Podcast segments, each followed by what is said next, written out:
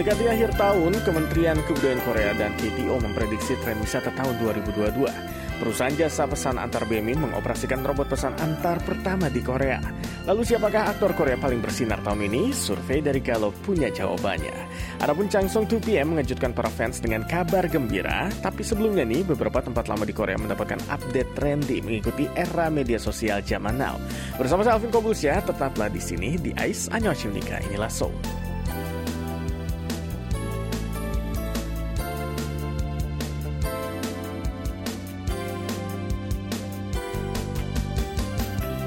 Annyeonghaseyo Nika, sahabat pendengar setia KBS World Radio. Kita jumpa lagi ya dengan info dan kabar terbaru dari Korea di ICE edisi hari Kamis.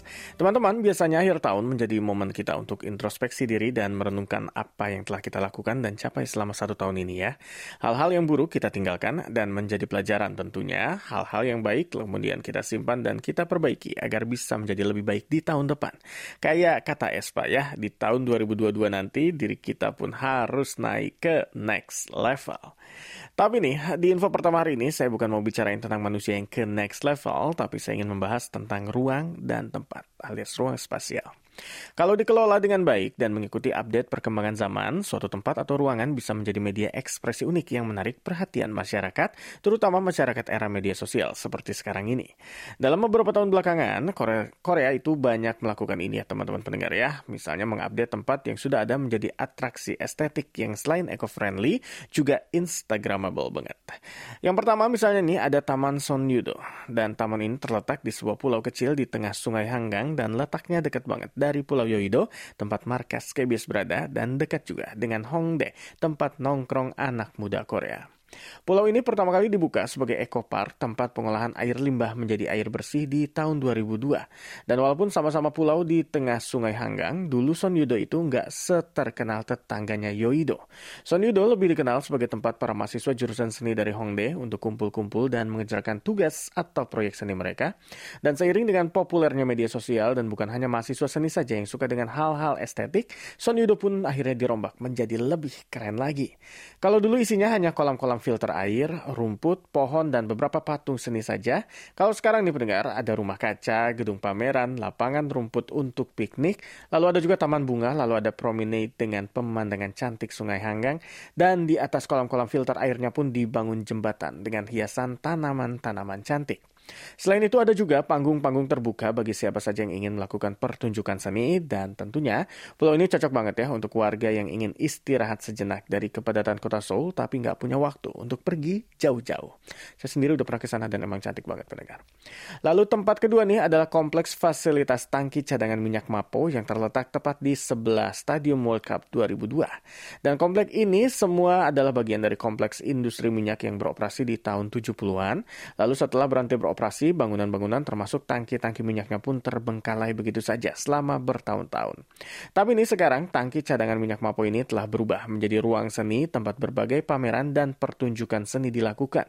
Di sini ada lima bangunan tangki minyak yang dinamakan T1 hingga T6 dan masing-masing bangunan pun diubah jadi pusat komunitas lengkap dengan kafe, ruangan seminar dan juga perpustakaannya. Ada lagi nih tempat ketiga pendengar adalah tambang batu bara Samcok. Dan tambang batu bara Samcok ini dibuka di tahun 1964 namun berhenti beroperasi di tahun 2001 setelah dikeluarkannya kebijakan rasionalisasi produksi batu bara oleh pemerintah Korea. Lalu setelah menganggur selama 12 tahun, tambang ini dibuka kembali di tahun 2013 sebagai ruang seni pendengar dengan lebih dari 100 ribu karya seni artis dari 150 negara. Dan konsep serta desainnya yang unik pun sempat memenangkan penghargaan penghargaan Korea Public Design Grand Prize di tahun 2015 dan KTO juga menobatkan tambang batubara Samcok sebagai salah satu dari 100 tempat di Korea yang harus dikunjungi pendengar. Lalu terakhir ini ada Gua Hwarok yang merupakan satu-satunya tambang batu giok putih, talek dan dolomit Korea yang pertama kali ditemukan di era penjajahan Jepang. Terletak di sekitar Danau Chungjuho di Provinsi Chungcheong Utara, kini Gua Hwarok juga menjadi taman hiburan pendengar. Gua ini dihiasi dengan patung-patung dan karya seni lampu, ada juga panggung pertunjukan, dan kita juga bisa menelusuri gua ini menggunakan kayak. Dan cocok banget ya ini untuk kita-kita yang berjiwa petualang, cinta alam, tapi juga cinta seni. Jadi kayaknya seru ya tempat-tempatnya pendengar ya. Dan mungkin lebih seru lagi kalau dikunjungi saat musim panas. Apalagi untuk tempat-tempat yang outdoor ya. Kayak Sonido dan juga Gua Huarok. Dan saya harap nih musim panas tahun depan COVID sudah makin reda ya pendengar ya. Supaya teman-teman juga bisa leluasa jalan-jalan ke sana. Dan kunjungin kita di Korea sini.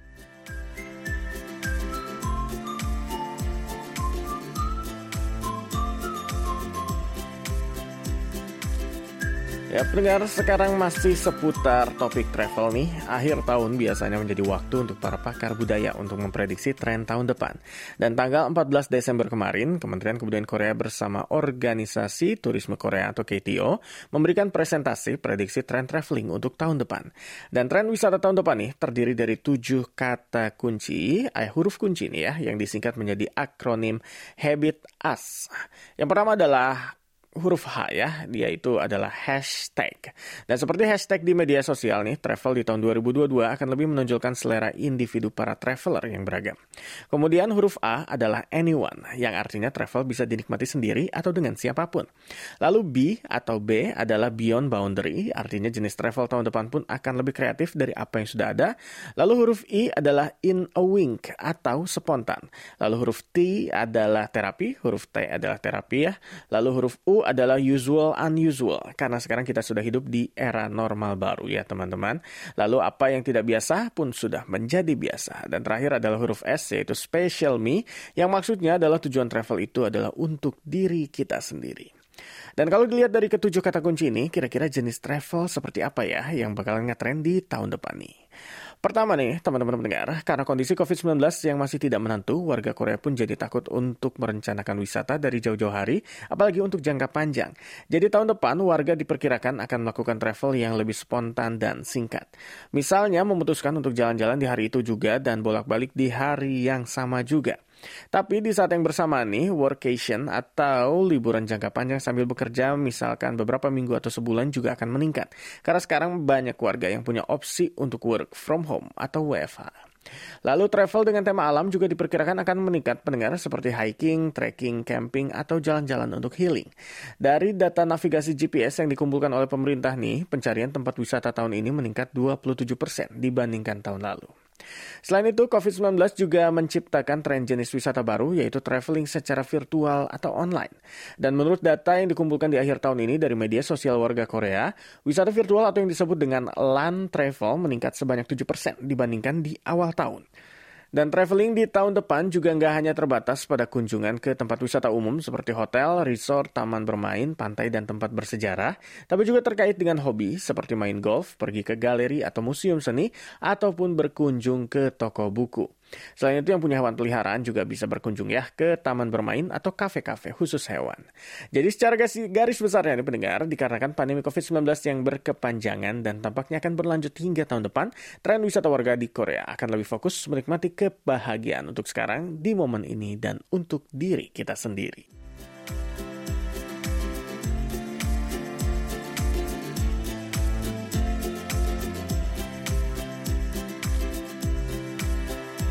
Ya pendengar, COVID tidak hanya mengubah industri wisata ya, seperti yang udah kita bahas tadi, tapi juga nih COVID-19 mengubah industri jasa, terutama jasa di bidang kuliner. Dan untuk menghindari kenaikan kasus COVID nih, selama hampir 2 tahun ini kita direkomendasikan untuk mengurangi makan-makan di luar. Dan katanya lebih baik pesan antar saja. Makanya sejak COVID nih, industri layanan pesan antar makanan di Korea itu jadi booming luar biasa ya. Banyak juga warga yang kehilangan pekerjaan atau bahkan memilih untuk berhenti dari pekerjaannya dan beralih ke pekerjaan pesan antar, sampai-sampai menjadi topik berbagai ulasan berita dan juga dokumenter di Korea. Tapi di zaman high tech seperti sekarang nih, pekerjaan apa pun walaupun sedang in demand sekalipun bisa kapan saja digantikan oleh mesin ya. Tahun lalu saat pandemi baru saja dimulai, AIS pernah membahas tentang salah satu perusahaan pesan antar Bemin yang sedang dalam proses mengembangkan robot pesan antar. Waktu itu kalau tidak salah mereka masih dalam proses uji coba di salah satu kompleks apartemen. Dan setelah satu tahun, akhirnya Bemin resmi meluncurkan robot layanan pesan antar mereka pada tanggal 14 Desember kemarin pendengar. Robot pesan antar ini kemudian dinamakan robot D2D, singkatan dari door to door, yang artinya langsung dari restoran ke depan pintu rumah kita. Dan katanya nih versi robot D2D ini lebih canggih dibandingkan versi prototype yang diuji cobakan tahun lalu. Robot sebelumnya hanya bisa mengantar hingga lantai satu apartemen, jadi warga yang tinggal di lantai atas harus turun menjemput makanan mereka di lantai satu. Dan robot baru ini juga bisa diprogram untuk mengingat lokasi masing-masing unit di apartemen, naik turun lift, bahkan punya sensor untuk mendeteksi agar tidak terbentur atau terjadi kecelakaan saat melakukan pengiriman. Selain itu, waktu deliverynya juga lumayan cepat loh, kurang dari setengah jam pendengar. Dan katanya sebelum diluncurkan secara resmi dua hari yang lalu, mereka sudah melakukan uji coba 200 pengiriman selama sebulan, dan dari hasil uji coba tersebut tidak ada satu kecelakaan pun yang terjadi. Luar biasa ya, robotnya ini pintar sekali. Dan untuk saat ini, robot D2D ini hanya tersedia di satu kompleks saja, tapi rencananya akan diperluas ke area sekitarnya. Dan sebelumnya, menurut peraturan di Korea, robot D2D tidak diperbolehkan untuk melewati jalanan kendaraan bermotor ataupun jalur pejalan kaki, tapi ini di bulan September lalu, peraturan tersebut akhirnya diubah, dan robot D2D ini juga sudah mendapatkan izin dari Kementerian Ilmu Pengetahuan dan Teknologi Korea. Jadi hebat ya perkembangan teknologi sekarang, tapi peluncuran robot di 2D ini juga nggak lepas dari kontroversi. Sekarang ini di Korea sedang marak demonstrasi serikat dan buruh pekerja, termasuk pekerja layanan pesan antar Bemin juga, yang meminta agar tips pesan antar mereka dinaikkan. Selama tujuh tahun sejak Bemin memulai operasinya, tips yang mereka terima setiap melakukan delivery masih sama saja pendengar, yaitu sekitar 3.000 won.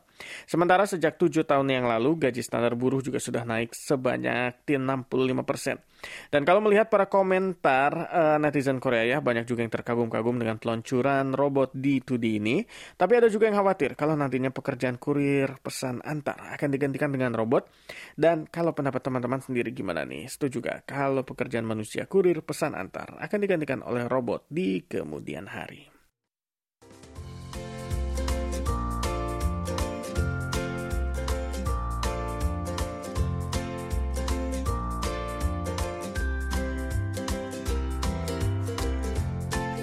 Info selanjutnya dari dunia selebriti ya pendengar ya. Di tahun 2021 ini kita disuguhkan dengan berbagai macam film dan drama Korea dari berbagai genre.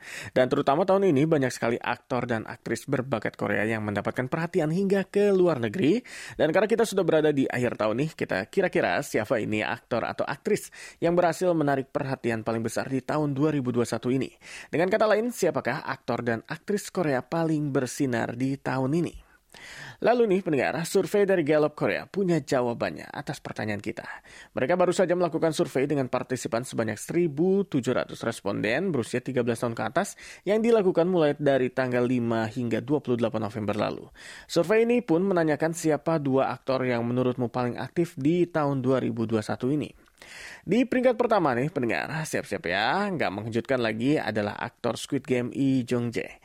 Dan debut di tahun 1993 sebagai aktor drama, Lee Jong Jae pertama kali terkenal lewat drama Sand Castle di tahun 1995. Sejak itu Lee Jong Jae pun sempat beralih ke dunia film dan selalu masuk dalam daftar top 10 aktor Korea. Dan Squid Game pun menandakan kembalinya Lee Jong Jae ke dunia drama. Lalu di posisi kedua nih ada Yoon Yo Jung yang menjadi aktris pemenang Oscar pertama bagi Korea lewat perannya sebagai nenek di film Minari. Yoon Yo Jung sendiri debut di tahun 1966 dan memenangkan penghargaan pertamanya sebagai aktris terbaik di tahun 1971 untuk film Huanyo. Dan Yoon Yo Jung juga terkenal dengan pilihan peran-perannya yang sangat kontroversial dan gak biasa untuk aktris veteran seperti dirinya. Lalu di posisi ketiga ada Ma Dong Sok alias Don Lee ya. Lalu kalau pendengar sadar dan pecinta film-film Marvel, ia adalah pemeran karakter Gilgamesh di film MCU Eternals ya. Yang ini bikin para fans MCU jatuh cinta dengan kelembutan hati karakternya walaupun memiliki tubuh yang besar dan kekar. Di posisi keempat ada Song Kang Ho yang terkenal lewat film Host dan Parasite. Lee Byung Hun berada di posisi kelima meskipun tahun ini dia hanya sekedar jadi cameo di sana sih dia pendengar ya dan gak memainkan peran besar di drama atau film apa pun. Lalu di posisi enam ada Hwang Jung Min, lalu tujuh ada Gong Yoo, lalu delapan Jong Woo Song, lalu ada Kim Hye So di posisi sembilan dan terakhir ada Jo In Sung di posisi sepuluh. Selain para aktor top 10 nih, aktor lainnya yang juga mendapatkan perhatian adalah Jung Ho Yeon, lalu ada Ho Song Tae, lalu Oh Yong So yang semuanya juga memiliki peran di drama Squid Game. Jadi menarik banget ya pendengar ya, ke mana pun kita pergi kita nggak akan bisa lepas dari Squid Game di tahun 2021 ini. Jadi gimana pendengar, ada nggak nih aktor atau aktris favorit teman-teman pendengar yang menurut teman-teman ini harusnya masuk ke dalam list aktor paling bersinar tahun ini selain top 10 yang udah saya bacain tadi.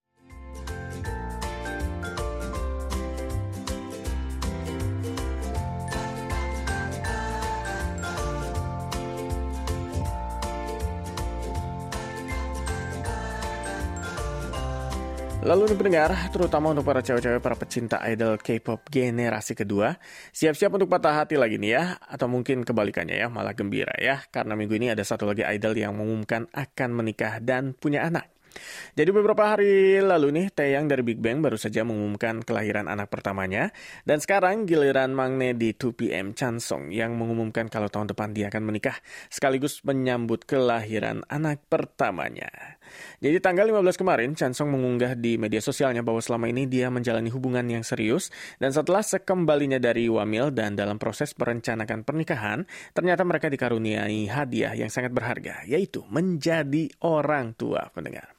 Kata Chansong nih, dia sudah lama sekali berpacaran dengan pasangannya ini dan pasangannya lah yang selama ini membuat dia bisa tenang dan bahagia menjalani kehidupannya sebagai selebritis dan idol. Dan karena dia nggak bekerja di dunia entertainment lagi, Chansong, Chansong pun ingin menjaga kerahasiaan identitasnya.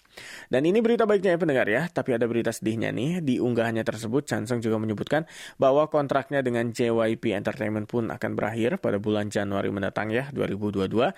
Dan dia nggak berencana untuk memperpanjang kontraknya karena dia ingin fokus menjadi kepala rumah tangga.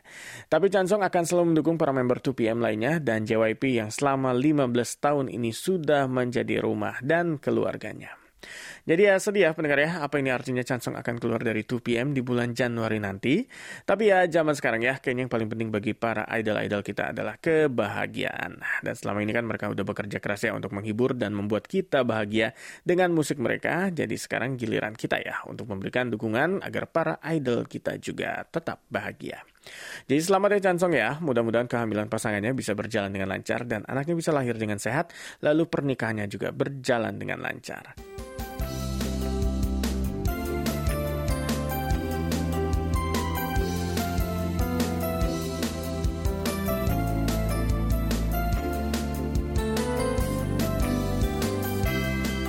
Ya pendengar, kira-kira di tahun depan siapa lagi nih artis yang bakal merit dan punya anak ya? Sebenarnya kalau ngomongin kabar-kabar selebritis pasti nggak akan ada henti dan habisnya. Tapi sayangnya nih sekarang waktunya untuk saya pamit dari program Ais hari ini. Kita jumpa lagi besok ya teman-teman ya di segmen Magazine Minggu ini di Jumat Ceria. Saya Alvin Kobus yang undur diri, sampai ketemu lagi. Neldo Hamkeyo.